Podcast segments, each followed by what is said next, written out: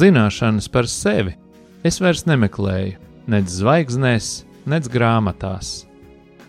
Es tās atrodu, ieklausoties pats sevī.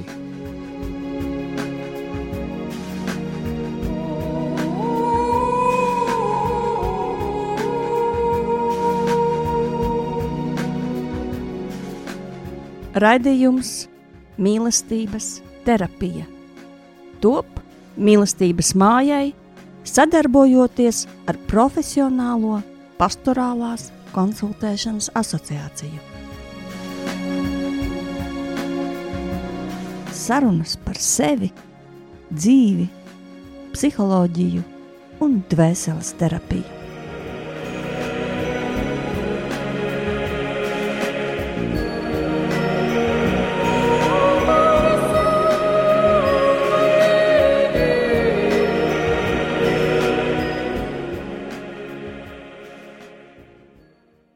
Labvakar, mīļie radio klausītāji! Kopā ar jums šovakar raidījums Mīlestības terapija ar sarunām par dzīvi, par ģimeni, par to, ko mēs jūtam un par to, kā mēs ejam. Turpināsim sarunu šovakar par mūsu mazākajiem brāļiem un māsām, par mūsu mazajiem bērniņiem. Un šovakar arī tāpat kā iepriekšējā nedēļā studijā ar mani kopā mana kolēģe mīlestības mājā, pedagogs, bērndārs audzinātāja un reizē dūla apmācībā Guna Ailte. Un šovakar mūsu tēma bebīši arī mūs dzird. Tāda mazliet noslēpumaina un mistiska pieskaņa šim nosaukumam. Jā, Ina piemin to, ka es uh, mācos par dūlu, un varbūt kādam šis vārds ir tāds uh, maz dzirdēts, nepazīstams, tad īsi pastāstīšu, ka dūla tā ir pieredzējušāka sieviete, kas uh, iet šo ceļa posmu ar ģimeni vai māmiņu tikai, kā kurā gadījumā, kopā grūtniecības laikā, ja viņa vēlas arī dzemdībās, un pēcdzemdību periodā, kas ir apmēram trīs mēneši pēc bērniņa dzimšanas. Un šovakar jums eh, gribētu līdzdalīt kādu stāstu tieši arī par šo laiku, par grūtniecības laiku, par piedzimšanu un šo īso laiku pēc dzimšanas. Tā ir ģimene, tie ir kristieši, ģimene, kurā jau ir bērni. Un, um, kad mēs runājam ar šo māmiņu, viņa dalījās savā tādā sirds dziļākajā sirds lūkšanā, ka viņa bija teikusi Dievam: Es mīlu savus bērnus, paldies Tev, Dievs, ka tas ir devis man manu ģimeni, bet uh, šobrīd bērnus vairāk nē. Kādreiz kaut kad jā, bet uh, šobrīd jau man ir bērndārza vecuma bērni, un tie prasa daudz uh, rūpes, gan fiziskas, gan emocionālas, jūtos mazliet nogurusi. Šobrīd nē, bet tā notika, ka viņu ģimenē pieteicās bērniņš. Un jūs jau varat iedomāties, ka nu, tur ir ļoti daudz emociju, kad šī māmiņa ierauga grūtniecības testā divas strīpiņas. Tas ir reizē gan prieks, gan arī ļoti daudz jautājumu debesu virzienā. Nu, kāpēc, Dievs, tu taču dzirdēji manas lūgšanas, nu kāpēc tieši šobrīd? Un ģimene ir par dzīvību, viņi ir noteikti pret abortiem, bet, eh, bet kāpēc šobrīd? Un viņa ir izdzīvo šo tādu eh, jautājumu un tādu arī nepieņemšanas eh, šīs sajūtas. Daudz jautājumu, daudz un kaut kādas vilšanās arī uz neatbildētu lūkšanu. Bet grūtniecība rit uz priekšu, un jā, vēl tāda piebilde Viņa stāstīja, ka ļoti, ļoti lielu šai, mm, šai laikā, ļoti lielu lomu nospēlē viņai apkārtējie cilvēki. Katram, kam viņa atļāvās pastāstīt, ka viņa tomēr gaida vēl vienu bērniņu, tad, kad viņa ieraudzīja līdzcilvēku acīs tādu īstu prieku, viņa sajūta siltus apskāvienus, mīļus apsveikumus, viņa arī pati ar katru šo apsveikumu arvien labāk un vairāk pieņēma šo bērniņu. Tāpēc šeit arī varu iedrošināt, ja nu tu kādreiz esi šādā situācijā, ka tev stāsta, ka māmiņa dalās, ka viņa gaida bērniņu, tiešām no sirds apsveic viņu, jo iespējams tev tie ir tikai pāris teikumi, bet uh, gan šim bērnam, gan šai ģimenei, māmiņai tie var būt izšķirīgi teikumi, izšķirīgs apsveikums. Jā, nu, lūk, iet, iet viņas grūtniecība uz priekšu, un uh, pamazām viņa tuvojas jau dzimšanas laikam, un pienāk dzemdību diena, un bērniņš piedzimst ļoti skaisti, mierīgi, harmoniski. Šai ģimenei bija tā, ka mm, viņi audzināja vairākus dēlus, un līdz pat piedzimšanai viņi nezināja, kāda dzimuma būs šis bērniņš, ko, viņi gaida. Kad māmiņa ieraudzīja, ka tā ir meitenīte, viņa laimē trīsēja, viņa tik ļoti smaidīja, viņa bija tik ļoti apgarota tā atmosfēra, kas valdīja šai dzemdību zālē, un tas bija kaut kas tāds neaprakstāms. Un tā bija tiešām tāda īsta laime, un varēja teikt, ka debesis ir nonākušas uz zemes šai vietā. Jā, paiet šī dzemdību diena, un tad ir kādas dažas dienas, kad jau māmiņa ir mājās, un pēkšņi viņā atgriežas šīs sajūtas, šīs domas par to gaidību laika sākumu. Viņa guļ blakus savai meitiņai, viņa ir aizmigusi, guļ ciešā miedziņā, un pēkšņi māmiņa sajūtas atkal ļoti vainīga par to laiku, kad viņa nepieņēma šo bērnu. Un māmiņā rodas tāda iedvesma, ka viņa lūgs atdošanu šim bērniņam. Meitenīte ir aizmigusi, bet viņa tiešām tādā pušķukstas, bet balsī viņa lūdz šim bērniņam piedošanu. Piedod, ka es nepriecājos par tevis jau no pašas, pašas pirmās dienas. Piedod, ka tā, piedod, ka es biju tik noraizējusies. Kā apstiprinājumu tam, ka šī piedošana tiešām ir saņemta, mazā meitenīte miegā pasmaidīja. Un jūs varētu teikt, ka bērni kustās neapzināti miegā, viņi gan smaida, gan saviep sēņa neapzināti, Un tā tas ir, bet priekš šīs māmiņas šis, šis smaids bija zelta vērtē.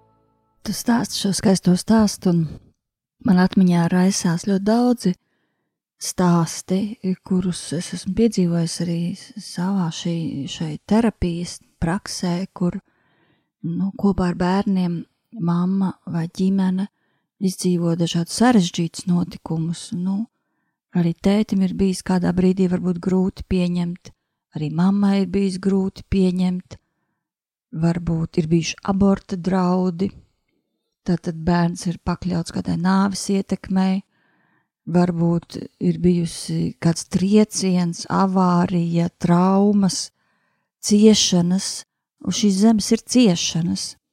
Un tad, kad es uzdod jautājumu šiem cilvēkiem, vai jūs ar šo bērniņu mazo esat parunājuši par to, par to pārdzīvojumu, tad es ļoti bieži savā kabinetā dzirdu tādu izbrīnītu izsaucienu, bet viņš taču ir tik maziņš. Viņš taču neko nesaprot. Mēs mīlestības mājā kopā ar bērniem dzīvojam ļoti, ļoti dziļu dzīvi, līdz pat ieņemšanas stāstiem, kurus izdzīvojam arī adventas laikā. Par to es varbūt mazliet lūkšu pastāstīt Gunē, bet šie stāsti un zīmējumi, kurus bērni zīmē bērngārzā un arī skolā, bet īpaši bērngārzā, atspoguļo to, ka viņu sajūtu atmiņā visas šīs sajūtas ir ļoti spēcīgi ierakstītas. Tur mēs redzam zīmējumus, kur bērns jūties vientuļš, kur viņam ir bijis bailes nomirt, un viņi šo arī skaidri un nokomunicē.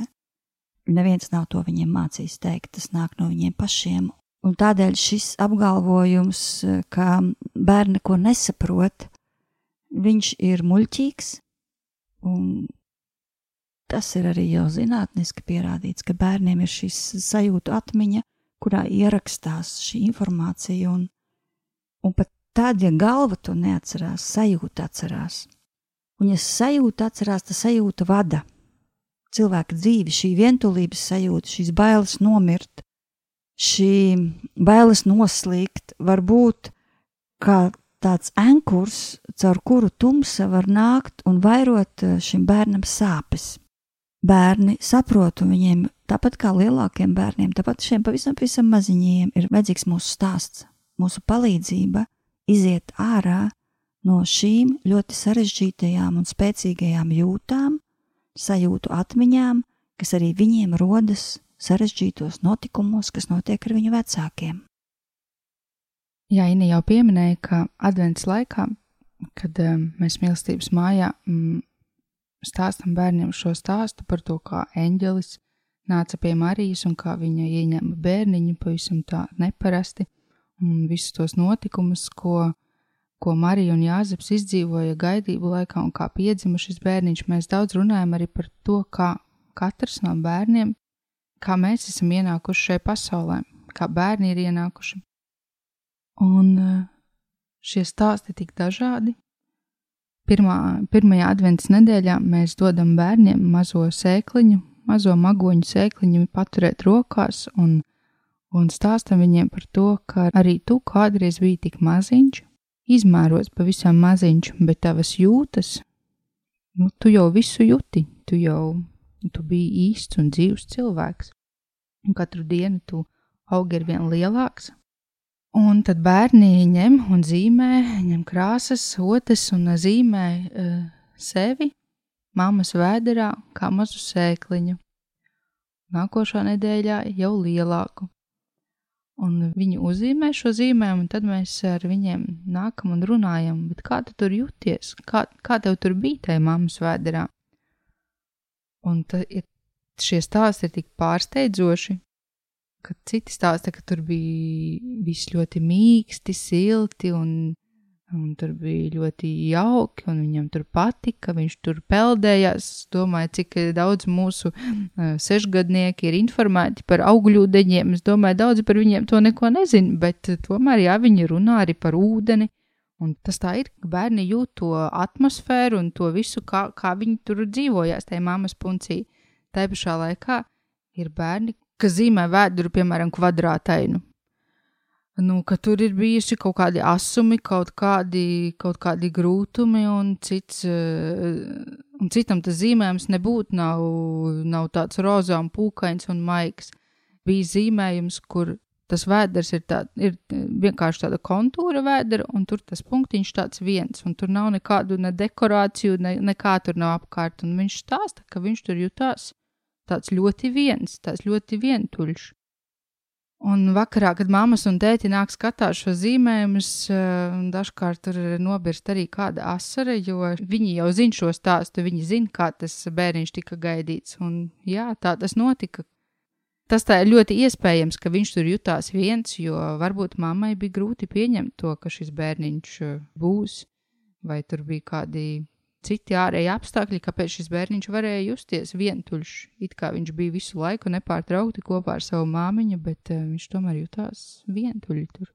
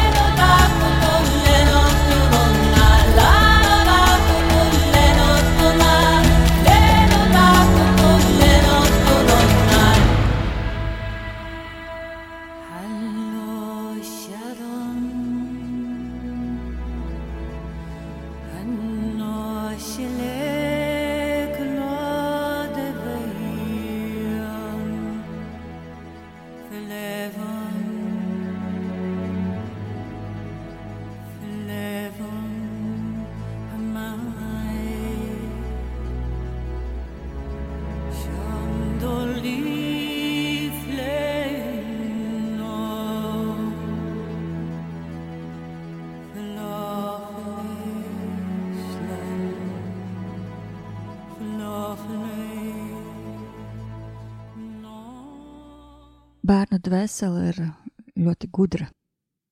Varbūt to var piedzīvot tikai dienu no dienas, dzīvojot ar bērniem kopā un klausoties viņu stāstus, ja mēs ļaujam viņiem viņus stāstīt. Un tam nav nekādas sakara ar prāta gudrību, kuru tikai pamazām attīstās.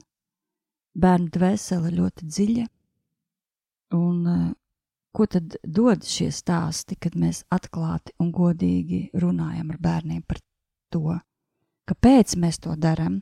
Vai lai dramatizētu, vai lai vēl kādu smagumu bērnam uzliktu? Tā arī bieži man vecāki jautā, jo tā tas ir bijis smagi, tad mēs tagad vēl pastāstīsim bērnam, lai viņam vēl smagāk. Nē, nē, tas nav tas mērķis. Tā galvenā doma ir, ka mēs palīdzam atbrīvoties bērnam no tā emocionālā stāvokļa, kurā visticamāk viņa sajūta atmiņa ir iesprūdusi. Nu, ja šis bērns jutās vientuļš, vai tiešām mēs, pieaugušie cilvēki, kas pazīstam dzīvi, esam tik naivi, lai noticētu, ka tā vientulības sajūta vienkārši pazūd? Mēs zinām ļoti daudz cilvēkus, kas ir starp citiem, bet vientuļi, kas paši provocē vientulību. Šī vientulības sajūta vai šis vientulības sprosts, viņš traucēs cilvēkam viņa dzīvēm Un tādēļ mēs sakam bērnam, jā, tā bija. Un mēs sakam, piedod, kā Guna stāstīja savā stāstā. Mēs izlīdzinamies ar bērniem, un mēs dodam viņam jaunu programmu. Bet mēs īstenībā bijām kopā, un es tagad esmu kopā. Dod man roku, mēs vienmēr būsim kopā. Es toreiz nesapratu. Varbūt toreiz man bija pašai kādas brūces, un es biju iesprūdus viņā, un es nevarēju vienkārši pie tevis aiziet.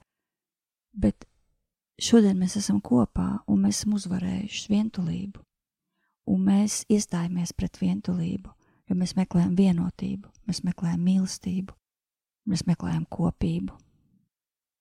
Jā, šī izsacītā sāpe, viņa tā kā pazaudē savu spēku tajā brīdī, kad viņa ir nu, tāda verbalizēta, ka tu esi arī kā pieaugušais dzirdējis pats esi sapratis un tad dzirdējis, ko tu stāsti, ko tu esi izstāstījis sev un tam bērnam. Jā, tas tā kā tam pazūd tas lielais spēks, tad, kad tas ir pateikts skaļi. Dažkārt vecākie bērni pie mūsu arī mazā bērnīša saka, bet viņa taču nesaprot, ko es viņai stāstu, bet es viņiem mācu, ka viņa nesaprot tos vārdus, ko tu saki latviešu valodā, un īstenībā ir pilnīgi vienalga, vai tu runā ar viņu angliski, latviski, vāciski, latgaliski, krieviski, bet viņi sajūt to emociju, to sajūtu, ko mēs nododam arī vakarā kā ģimene. Ja mēs esam dusmīgi, ja mēs tur sakliedzam viens uz otru, tad arī bērniņš var būt raudulīgāks un viņam ir grūtais vakars. Bet, ja mēs visi esam tādi harmoniski, mierīgi spēlējam kādu tur galda spēli, arī bērniņš turpat var mierīgi skatīties, pētīt savas rociņas un dzīvoties. Un viņš sajūt šo atmosfēru, šīs sajūtas nododās. Mazie bērniši arī pirmajos trīs mēnešos vispār nu, ir tik ļoti, ļoti mm, saistīti ar savu māmiņu. Dažkārt saka pat, ka tas mm, pirmie trīs mēneši pēc piedzimšanas ir kā ceturtais grūtniecības trimestris, ka arī līdz pirmajai bērna dzimšanai bērns vispār neatdala sevi no mammas kā, kā atsevišķu personu es un mamma, tiesam mēs, mēs esam viens. Līdz ar to, to, ko mamma pārdzīvo sevī, ko viņa jūt, to visu viņa nodod arī savam bērniņam. Viņš jau tā kā iezīž ar pienu visas šīs sajūtas un emocijas. Un nevienmēr tās ir eh, jaukas un patīkamas, tas ir normāli, ka mēs jūtam dažādas emocijas, bet ir eh, svarīgi ar, ar šo bērniņu parunāties un pastāstīt viņam, jā, tur Man bija kāds eh, tur eh, asāka vārdu pārmaiņa ar tavu tēti, bet mēs viņu viens otru ļoti mīlam, mēs būsim kopā. Nu, tā kā runāties ar šo bērniņu, tāpat kā tu runājies arī ar, nezinu, septiņgadnieku, pastāstīt par to, kas notiek tev šeit apkārt. Tad, kad tu runā ar viņu, tad tu reizē arī jā, pats esi sev pastāstījis. Kāda tad mums bija šī diena un šis laiks? Dažkārt pieaugušais satiekoties ar to, ka viņam ir jāpastāsta kāda smaga pieredze sava, saviem bērniem, var saskarties ar to, ka trūkst vārdu vai trūkst spēka viņu izteikt šo pieredzi skaļi. Bet īpaši svarīgi tas ir tad, ja tu jūti, ka no šīs pieredzes, ka tas ietekmē jūsu attiecības, ka tur ir kāda vainas sajūta vai aizvainojums vai rodās tādas saspringums attiecībās, tad ir ļoti svarīgi, lai izlīdzināšanās notiktu patiesi, lai mēs viens otru saprastu. Šī dalīšanās ir ārkārtīgi svarīga jebkura vecuma bērniem. Un jebkurā vecuma bērnam, ka mēs dalāmies dažkārt pieaugušajiem, var trūkt vārdu, to izteikt. Varbūt ļoti grūti sākt runāt par savu sāpīgu pieredzi. Tad tāpat kā jebkurās nopietnās sarunās ļoti svarīgi radīt specifisku atmosfēru tam, arī bērnus sagatavot, nomierināt, Tas nav sarunas, kuras ir jārunā veikalā, iepērkoties vai ejot garām. Tās ir sarunas, kuras ir saorganizētas, tās ir satikšanās sarunas. Un tad mēs varam iedegt kādu sveci un, un vienkārši sākt stāstīt no savas sirds un pastāstīt, ka varbūt kādas manas pieaugušā reakcijas ir no šīs brūces, un ka šī brūce varbūt atveras, bet arī te pašā laikā nodot bērnam, ka tu neesi vainīgs ne pie kā. Nu, es tevi mīlu, un es tevi meklēju, un es uh, cīnos par mūsu vienotību, par mūsu kopību. Es gribu, lai mēs būtu draugi, lai mēs būtu tuvi draugi visas dzīves garumā, un tāpēc es tev to stāstu. Es tev to stāstu, tāpēc, lai tu labāk saproti mani, un es tev to stāstu arī tāpēc, ka es tev gribu par kaut ko lūgt piedošanu, un es tev gribu arī piedot, varbūt tavu kādu reakciju, jo bērni aug lielāki, un viņu reakcijas ir lielākas un spēcīgākas, un tā mēs izlīdzinamies. Un bērni iegūst ļoti dziļu ģimenes, tādu veselīgu, atklātu attiecību pieredzi. Šie stāsti, ko mēs stāstām saviem bērniem par sevi, par savu dzīvi, par saviem pārdzīvojumiem, ir ārkārtīgi svarīgi. Tie veido viņu tādu emocionālo inteligenci, un tāpat laikā tie veido ļoti, ļoti dziļu kontaktu mūsu starpā.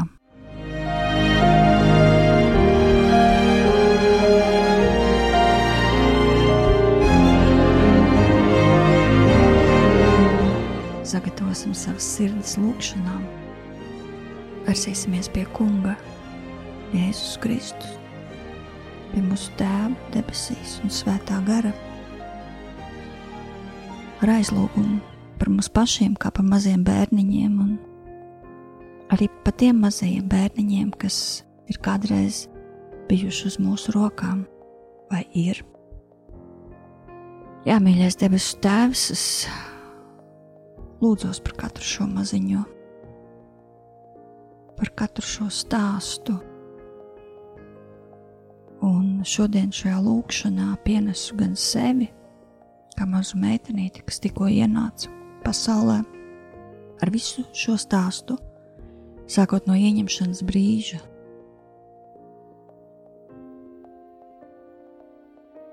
Kā arī aizlūdzam par tiem bērniem, kas ir katrā mūsu ģimenē. Sākot no ieņemšanas brīža, līdz tam brīdim, kamēr viņi kļūst patstāvīgāki.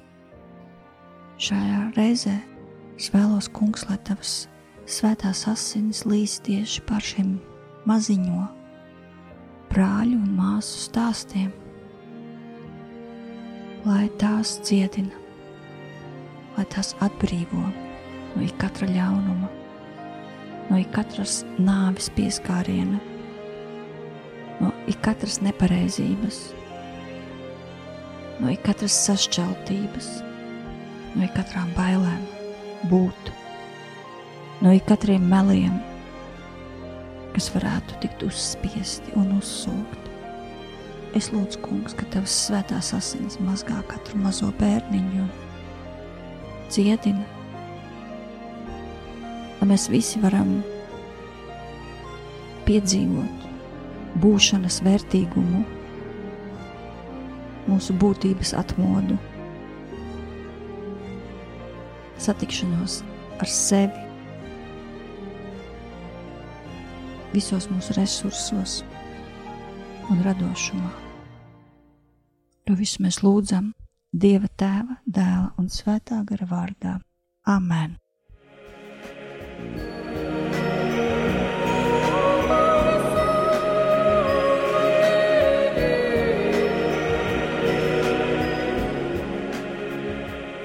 Jūs klausījāties raidījumu mīlestības terapija. Raidījums var noklausīties Radio Marija mājaslapas arhīvā un YouTube kanālā Mīlestības māja.